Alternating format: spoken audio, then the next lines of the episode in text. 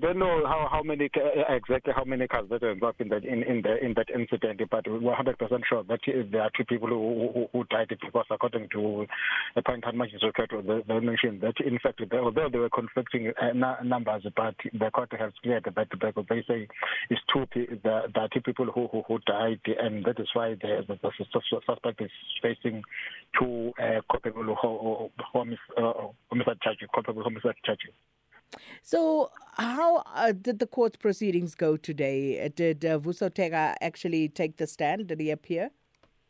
Yes, it appeared. He, he, appeared today, but uh, as you know, that he, uh, on on on Wednesday he appeared, and there there were rumors that he, he is not a South African. But today also the, the court also um, confirmed that he, yes, Vusoteka is not a South African. He's a, a Zimbabwean, and but he's a, he, he, he's in the country legally And the, the court also granted uh, the, the suspect a, a bail a, a bail of 10,000 rand, and the, the court was asking that, uh, in fact, because he, he, he, he can be able to to get a, a, a bail of, of 5,000 rand, but and, and his legal representative, Mr. Samlal, also mentioned that because his his salary is 8,000 rand, so the money that he can be able to to, to pay is 3,000 3,000 rand.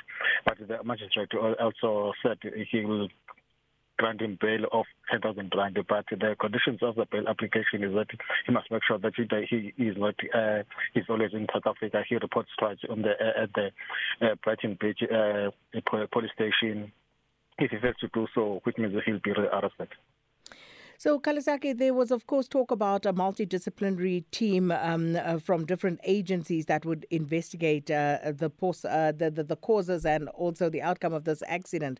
And then we heard from the MEC for Transport um, Community Safety in KZN, uh, Sipho Hlomuga, uh, who said that the company that owns the truck should also be taken to task. Has that happened? Because they were going to determine, uh, you know, the validity of the driver's documents, the roadworthiness of the truck, and other compliance issues. Have they done that? No, unfortunately, we haven't heard about that uh, uh, about that because. But I think it, what you, what the court said is that from from now on they'll be continuing with the investigation as we call it. The, the suspect is expected to come back on the 17th January to, uh, 2023, which means next year.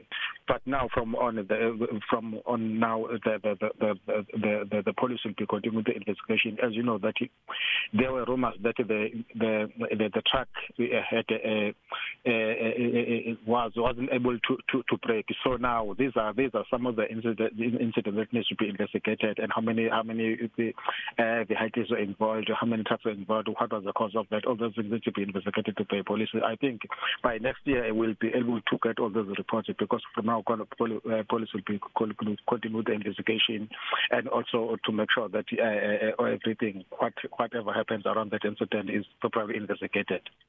Kalisake Mbenze, thanks so much, our reporter in KwaZulu-Natal.